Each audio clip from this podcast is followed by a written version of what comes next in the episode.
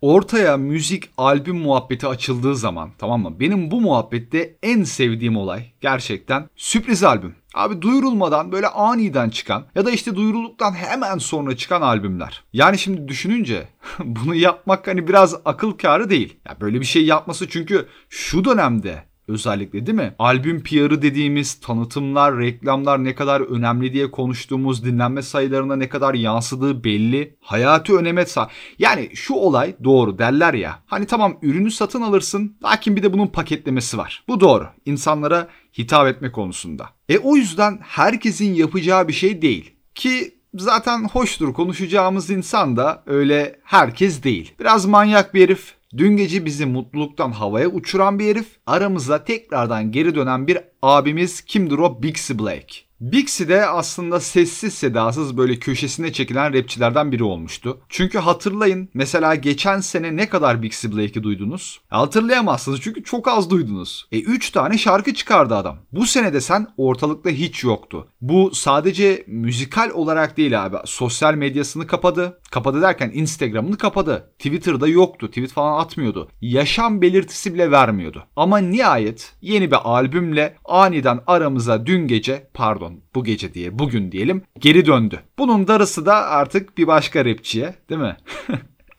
yaşanmayacak o yaşanmayacak ümitlenmeyin de. Neyse söylemiş olalım. Şimdi herkesin geri dönüş albümü beklediği rapçiler farklı. Ve herkes de konuşuyor. Bol bol isimler söylenip duruyor tamam mı? Ve ben bunu görüyordum. Ben de keza albümünü beklediğim isimleri sayıyordum ve şuna dikkat ettim. Abi insanlar iyice Bixie Blake'i unutmuştu. Çünkü haklı olarak şöyle bir şey var. Bixie sevilen birisiydi ama ortadan kaybolsa hani dön dön diye her gün konuşulacak bir seviyede henüz kariyere sahip değildi ki. E kimi düşünün? Mesela Step'i düşünün. Step de zamanında çok övülerek dinlendi. Ben çok övdüm. Sevenleri boldu. Hala aramızda var sevenleri ama Step yeni bir albümle dönsün diye bekleyen çok az kişiye rastladım ben. Mutlaka vardır. Mesela ben onlardan biri değilim artık yavaş yavaş. Şimdi bu durum böyle olunca ben de dedim ki bu senenin ortalarıydı herhalde bir tweet atayım hesaptan. Kapanan eski hesaptan.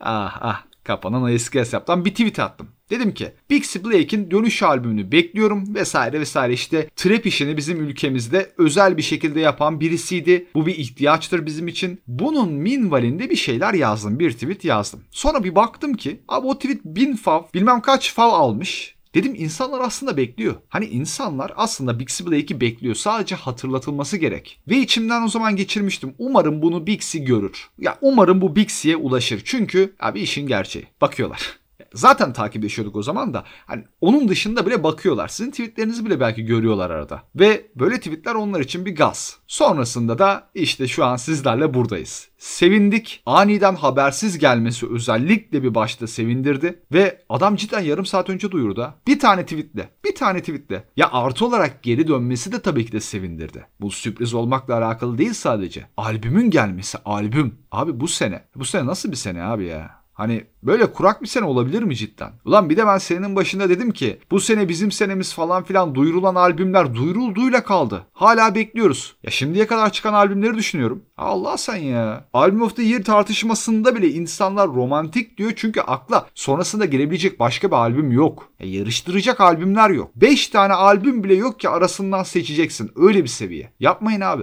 Lan 4 ay kaldı şurada. Bak ciddi söylüyorum millet çıldırdı. Millet akıl sağlığını harbi kaybedecek. Kefo, Amentu böyle adamları dinleyenler var. Anladın mı? İşler cidden kötüye gidiyor yani. Ama sağ olsun Bixi bizleri duydu. Bir albümle geldi. Şimdi biz bu albümü konuşacağız. Senenin en iyileri arasında olmayan o en iyiler çekişmesi arasında yer alır mı bu albüm? Geri dönüş için sağlam bir albüm mü? Senenin işi mi? Hepsini konuşuruz. Ama önce Big Siniye trap işini özel bir şekilde yapıyordu. Yani yukarıda size attığım tweetten bahsederken bunu böyle yazdığımı söyledim. Bir kere bunun sebebini çıtlatmak gerek ve bunun içinde 2020'de çıkan Anka albümü. Tamam şimdi ya onu konuşmayacağım. Biz yenisini dinledik. Onu duymak istiyorsunuz biliyorum ama bir dakika abi. Sadece bir dakika ufak bir şekilde kızmayın baba. Ayda bir buluşuyoruz zaten burada. Hani baş başa muhabbetimiz değil mi? O yüzden bir dakika. Anka The Return of the Phoenix. 2020'de Bixie Blake'in çıkarttığı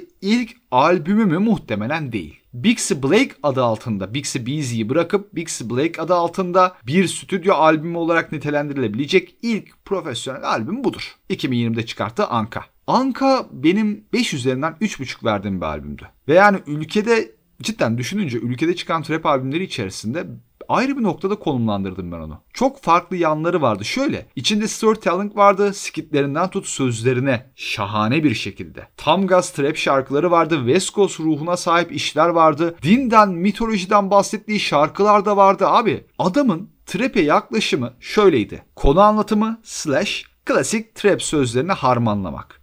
Bunu da kendi karizması çevresinde yaratmak abi. Bu özeldi. Anka ya gerçekten hani Türkiye'de trap'i düşündüğünüz zaman diğerlerinden uç bir noktaya konulabilecek bir albüm. Artı olarak mesela 12 şarkılık bir albümdü ve kaç tane beat Bixie'ye aittir? 11 tanesi. 11 tanesinde Bixie vardı full paket. Full paket olarak bir albüm yaptı. Karşımızda belirdi ve kendisini bizlere kolayca da sevdirdi. Ha albüm içinde o albümde benim katılmadığım noktalar YouTube'da mı yapmıştım ben bunun podcast'ine?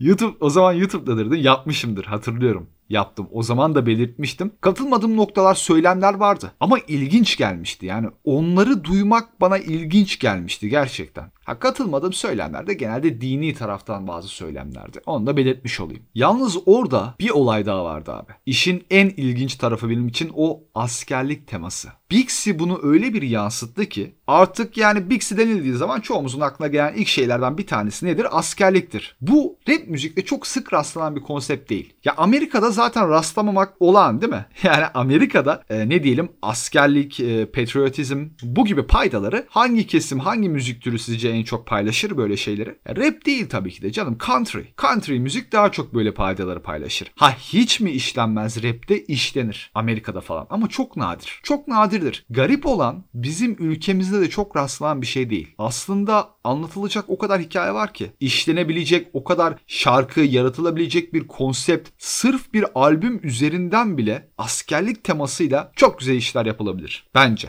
Ve şundan bahsetmiyorum bakın. Zaten böyle yapıldığı zaman benim gözümde o anlamını birazcık yitiriyor. Hani şanlı askerlik anılarımı anlatayım işte askerlik propagandası tamamen. Hollywood filmi tadında şarkılar falan. Hayır bu çok yapay. Yapay olurdu. Bixie'nin Anka albümünde bize yansıttığı askerlik teması anlattıkları aslında şöyleydi bak. Çok derin bir hikaye değildi bir kere. Onu ben kabul ediyorum ama değinmesi bile bizim alışmadığımız bir şey olduğu için beni etkilemişti. Bixie o verse'ünde ya da verse'lerinde diyelim iki tane. Ne vurdum kırdım en büyük asker benim ne de işte yiten giden bir psikoloji. Yani bu iki uçta kalmamıştı. Tam ortasını bulmuştu. Birazcık hani gözdağı vermek, dağların adamıyım tarzında birazcık da hatırlayın o şarkıda bitsin artık gideyim dediği anlar vardı. İkisini ufaktan harmanlamıştı. Dediğim gibi çok e, işlenen konular olmadığı için böyle bir şarkıyla derin bile olmasa benim hoşuma gitmişti. Zaten derinliğe gelene kadar Bix'in asker parçasını kurtaran çok farklı elementler vardı. Yani o atmosferinden beatine kadar. Ama bu konularda benim en sevdiğim Tek Nine'in bir tane şarkısı var News diye.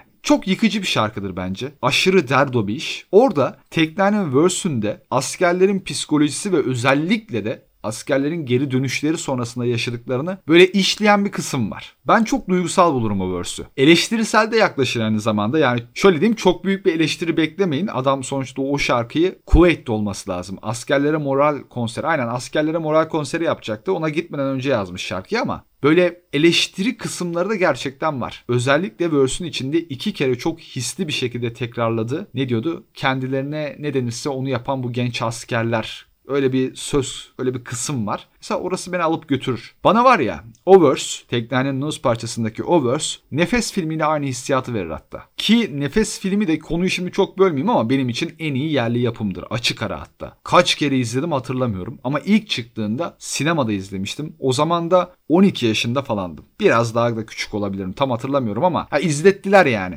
Nasıl izlemeyeceksin ki? Alayın içinde büyüyüp giden bir çocuktum ben. Her neyse ama. Şimdi asıl konumuza gelebiliriz. Bixi konusu açıldığı zaman bu askerlik temasını da söylemek lazım. Eğer aklıma gelseydi sizde yine paylaşırdım söylerdim ama unuttum şarkının adını Avustralya'dan. Yine askerlik teması üzerine bir şarkı vardı. O çok daha fazla psikolojisine odaklanıyordu. Çok yıkıcı bir şarkıydı. Zaten savaş karşıtı bir şarkıydı. Bir askerin mektuplarını işlerdi. Çok düşününce yaratıcı bir konu. Ülkemizde yani yapılsa gerçekten çok etkileyici olabilir de söylemiş olayım. Adını unuttum o şarkının bulmaya çalışacağım. Şimdi Bixie Black. Red Case'in bir kere öz adamıdır abi. Ama gariptir ki Bak bu albüm de dahil olmak üzere 2020'deki albümle beraber Red Keys üzerinden çıkartmadı. Aslında Amerika'yı takip edenler, yakından takip edenler bu durumu çok olağan karşılar, alışıktır. Çünkü Amerika'da dağıtım şirketin ayrıdır, olabilir yani. Kendi e, şirketin ayrı olabilir. Management şirketin ayrı olabilir. Size bir örnek vereyim mi? Griselda'dakiler mesela Conway, West Side Gun falan şey diye imzaladığı zaman Griselda olarak ortada nasıl bir kontrat vardı biliyor musun? Dağıtımda Shady ile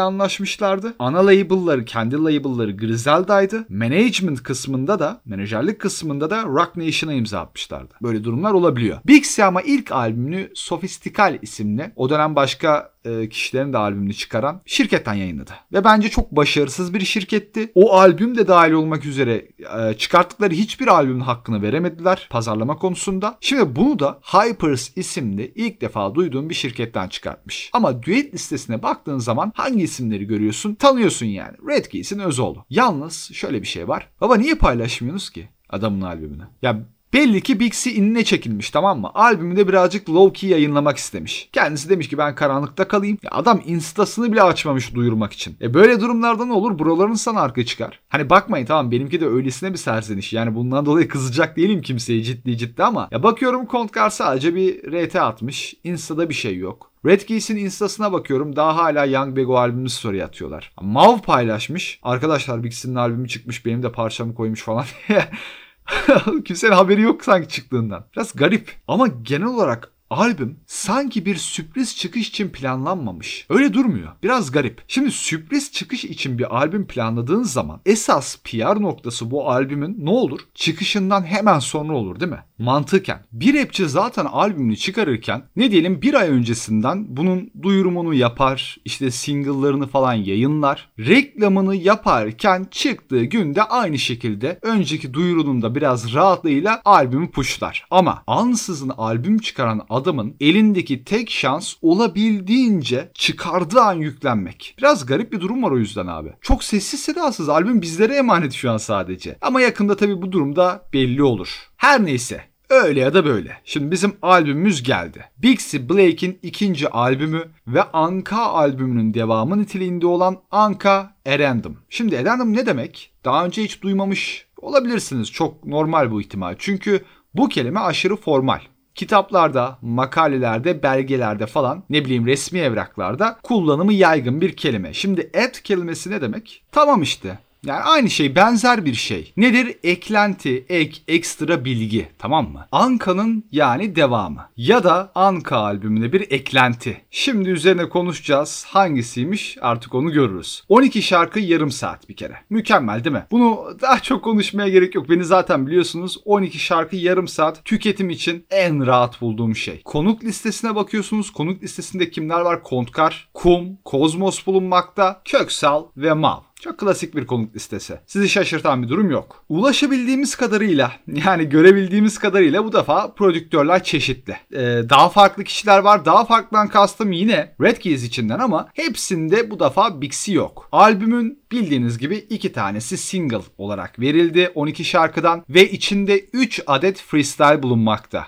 Romantik albümüyle birazcık alıştık bu duruma. Orada gördük. Şimdi Bixi'nin yeni albümünde de bunu görüyoruz. İsterseniz şarkı şarkı gideyim mi? Bu albümde öyle yapalım. Şarkı şarkı takip edelim. Sonuna geldiğimde ben genel yorumlarımı yapıp kapayım. Puanlayıp elbette. O zaman abi albüme gelene kadar epey muhabbetimizi yaptık. Şimdi intro parçamız MVP ile beraber benim aslında Bixi'nin en sevdiğim özelliği. Bu şarkı bu özelliği direkt göze sokan bir iş. Girişine dikkat kesilin. İnce tutulan bir ses nasıl bu kadar vurucu çıkıyor? Nasıl bu kadar gür çıkıyor? Ben ona şaşırıyorum. Harbi ciddi söylüyorum. Bixi'nin asıl en büyük silahı sesi. MVP parçası verse'ünden nakaratına her tarafına baktığınız zaman tamamen özel isimler üzerinden kafiyelere dayandırılmış bir parça değil mi? Böyle çok çok beni albüme direkt bağlayabilen bir iş olmadı açıkçası açılış anlamında. Anka'nın açılışını başını düşündüm Anka.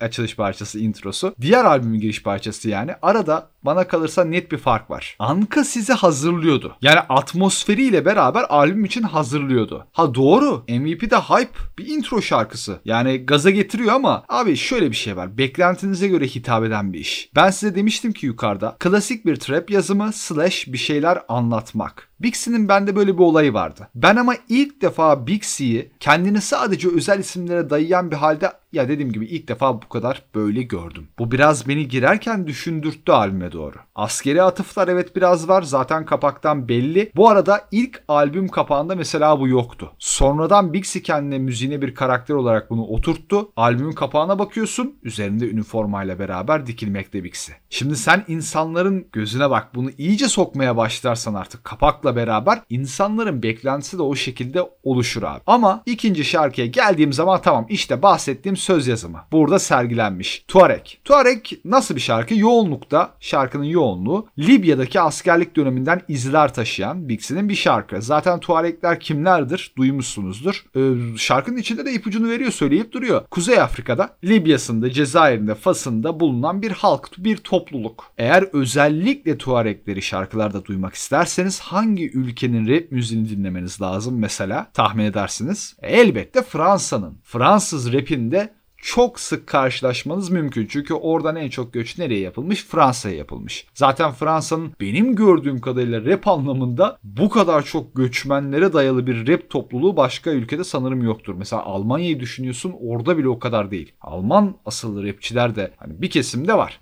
Gerçi benim bildiğim kadarıyla. Nette konuşmayayım. Çok da Fransız rapinin derinlerine zamanında inmedim. Şarkıda duyuyorsunuz işte bazı şeyler. Mesela Mustafa Akat'tan bahsediyor. Ömer Muhtar'dan bahsediyor. Ama merak eden olursa 17 Şubat diyor ya şarkıda, nakaratta. Niye 17 Şubat dediğini ben söylemiş olayım. Her nasıl asker şarkısında söylediyse Bixi, asker parçasında ne diyordu? Libya 2011 Şubat 17 Amerika yolladı itlerini, Bix açtı sub-bass bitlerini ve katletti Orta Doğu liderini. Yani Şubat 17 abi Kaddafi'nin devrilişi. Kaçıncı senesi oluyor? 10, 12 mi?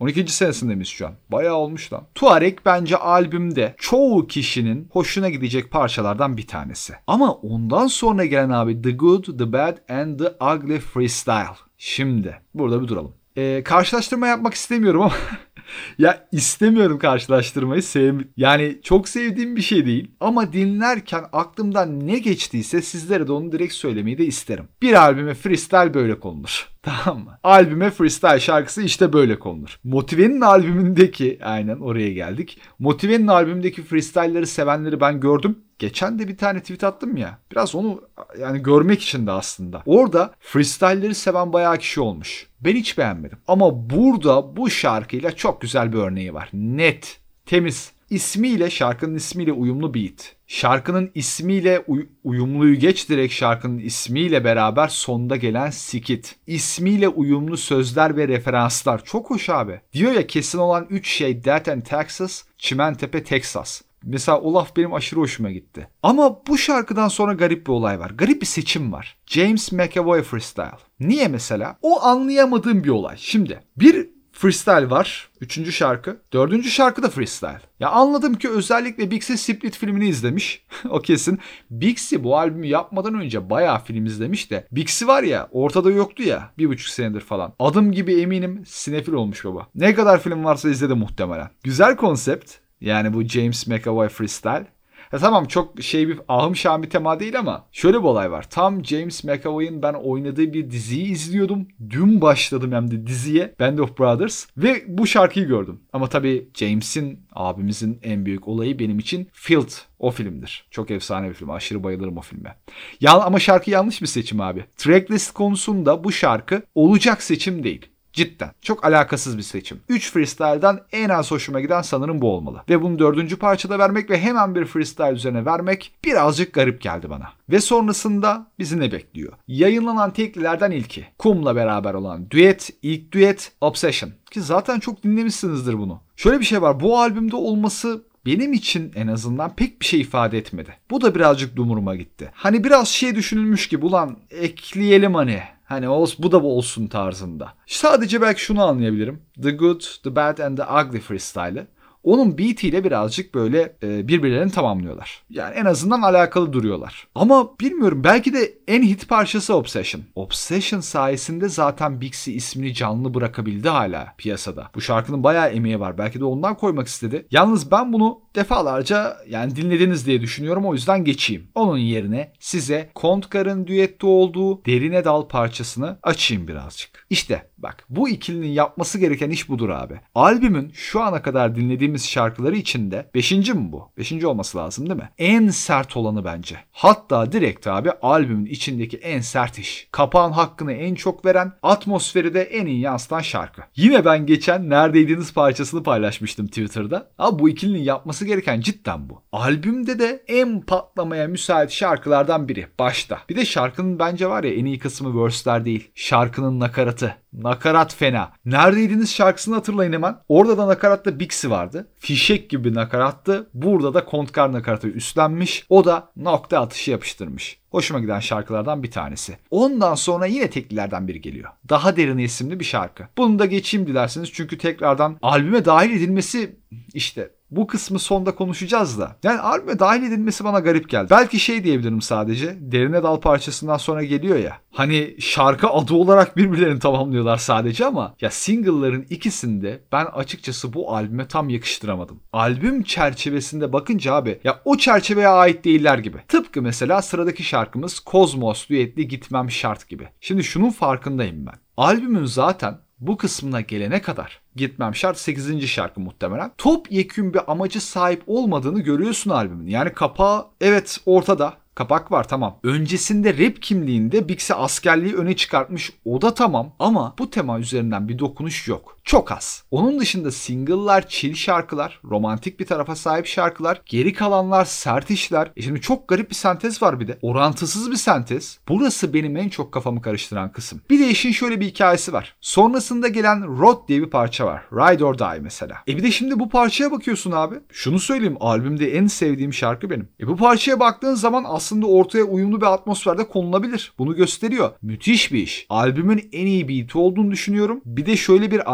ayrıntısı var şimdi. Verse'ün girişinde yine Bixi bize ilişkisi üzerinden bir şeyler söylüyor, anlatıyor. Ama şarkı çok daha karanlık bir şekilde ilerliyor. Nedir bu? Tamam yine hani içinde biraz romantizm geçen çok az bir şarkı. Yalnız albümün verdiği o sert imaja da abi aşırı uygun. İşte ben bu yüzden eleştiriyorum baba. Çünkü üzülüyorum. E yapabiliyorsun aslında. Yani bu iki single'a bak. Kozmos düetine bak, Mav düetli parçaya bak bundan sonra gelen. Bunlar gerçekten albümün içinde sırıtan işler. Ya da şu deniliyorsa bunu da kabul ederim. Baba albümün genel bir akışı falan yok ben koydum geçtim. Tamam o zaman bir şey sırıtıyor diye eleştiremem. Ama öyle bir düşünceyle albüm yapmak da özellikle nadir üretmiş birisi için insanı üzer. Bu arada keşke Ride or Die parçasına bir verse daha eklenseydi. Ama neyse. Şimdi yavaş yavaş bir sonları getireyim size. Son iki şarkıya da baktığınız zaman Real Boys bir kere çok beklenmedik bir bir geçiş abi. Ansız geliyor yani şimdi son freestyle parçası albüm bitirişi için güzel denilebilir. Onu kabul ederim. Ama Real La Boys hem öncesindeki şarkıdan hem de albümün içindeki genel sound'dan aşırı kopuk, aşırı dışında. O parça geldiği an biraz ben garipsedim. Albümde geçişlerde garipsediğim iki kısım var. Bir Real La Boys'un gelişi. iki ilk şarkının sondaki bitişi. O da garipti. İkinci şarkıya geçişti garipti. Yani ilk birkaç dinleyişten sonra benim önümdeki hani önümdeki tablo bu.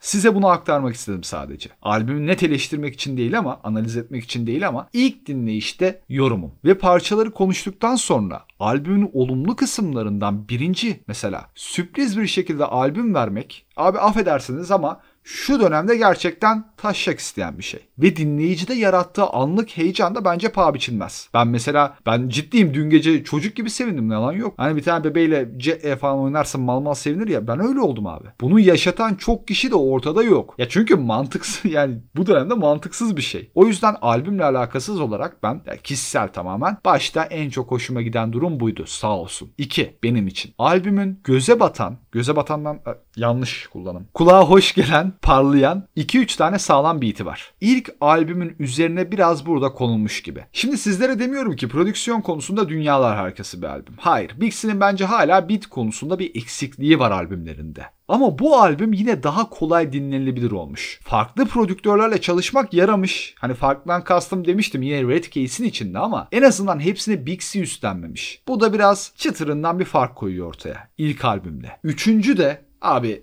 Bixie'nin hard hitting trap parçalar. Bixie'nin bunu yapabildiği ortada. Özlenmişti böyle parçalar. Bunu içinde bulunduruyor. Hakkını yiyemem. Yani vurucu parçalar Bixie'nin kendi karizmasını ortaya koyduğu bakın çok güvenilir bir beat'e bile ihtiyaç duymadan bunu yapabildiği parçalar var. Böyle bir yeteneği var abi inkar edilemez işte. Sesi iyi. Kullanmasını biliyor. Flow'larını iyi yönetiyor. Sözlerini de sert vuran parçalar yapacaksa ona uygun yazıyor. Başarıyor. Bu da bence albümün en göze çarpan kısımlarından bir tanesi. Benim özel olarak en beğendiğim iki şarkı ilk Freestyle, The Good, The Bad, The Ugly ve Ride or Die. Genel olarak ayrıca ben bu listeye harbi güzel olmuş diyebileceğim e, Tuareg ve Derine Dal parçalarını da eklerim. Ama geri kalanlar işte. İşte geri kalanlar için ben o kadar pozitif değilim. Sorun da burada başlıyor. Ya bakın saydığım parçaların dışında sizin beğendiğiniz parçalar tabii vardır. Geri kalanlar rezil rüsva demiyorum ama albümün içindeki konumları en büyük sıkıntısı bu.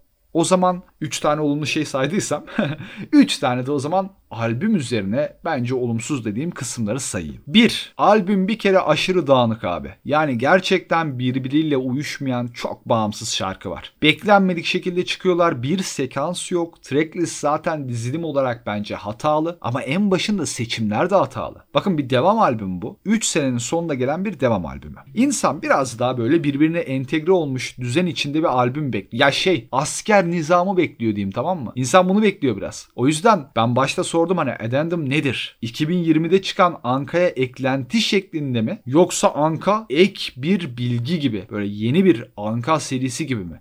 E bana 2020'de çıkana eklenti gibi geldi sadece. Sanki bir Delix, sanki bir Delix'e koyacak şarkılar gibi. Yani hepsi değil kabul ediyorum elbette. Ama birçoğu öyle duruyor. Ve ikinci beni üzen kısım anlatılanlar. Abi insan bekliyor bak. Herkes için bunu bu eleştiriyi her rapçiye yapmazsınız. Ama Bixie Blake bize bir şeyleri gösterdi. Hikaye anlatabildiğini gösterdi. Daha dokunan sözler yazabildiğini gösterdi. Daha referanslar. Referans baba. Geri aldım Karabağ gibi. Hatırlıyorsunuz değil mi mesela? Aklınıza bir şeyler geliyor. Bunu yapabildiğini gösterdi. Ya hikaye anlatımı olan zaten yok da. İnsan bekliyordu. Ben çok bekliyordum. Ve 3 de o düetler. Çok kötü abi. Bak Kontkari'yi sadece Kontkari'yi bir de Köksal'ı o şarkıyı ayrı bir single olarak düşünürsen albümün içinden çıkarırsan belki de o iyi. Ama onun dışında Kozmos, Mav hani zaten seyrek koyuyorsun düeti ve koyduğun düetlerin de Kontkar dışında hiçbir anlamı olmamış bence. Benim beklediğim albüm sanırım bu değildi. Sonuç olarak şunu demem lazım. Bence Anka ilk albümün altında bir albüm olmuş. Ve dün gecenin gazıyla birazcık şey muhabbetleri vardı. Gördüm onları. Romantikten iyi tarzında bence değil. Yani bana sorarsanız romantikten iyi değil. Kişisel olarak ben Big sevdiğim için cidden Big C benim yani, sevdiğim bir rapçi. O yüzden albüm vereceğim puan tabii henüz bu erken değişebilir ama ilk izlenimimde 5 üzerinden ben Anka Addendum'a 3 veriyorum abi. Başka birisi yapmış olsa belki bu iki buçuğa da düşebilirdi ama. Üç verirken çok mu şey böyle rahat veriyorum fazla da değil. Sürpriz bir albüm geldi. Dinledik. Onu da konuşup yorumladık. Siz de fikirlerinizi elbette. Biliyorsunuz zaten bana her daim ulaşabileceğinizi. O zaman kendinize çok dikkat edin. Sağlıcakla kalın. Podcast'in ilk kısımlarında bahsettiğim Avustralya'dan o rap parçasını bulabilirsem belki Twitter'da falan paylaşmaya çalışırım. One love.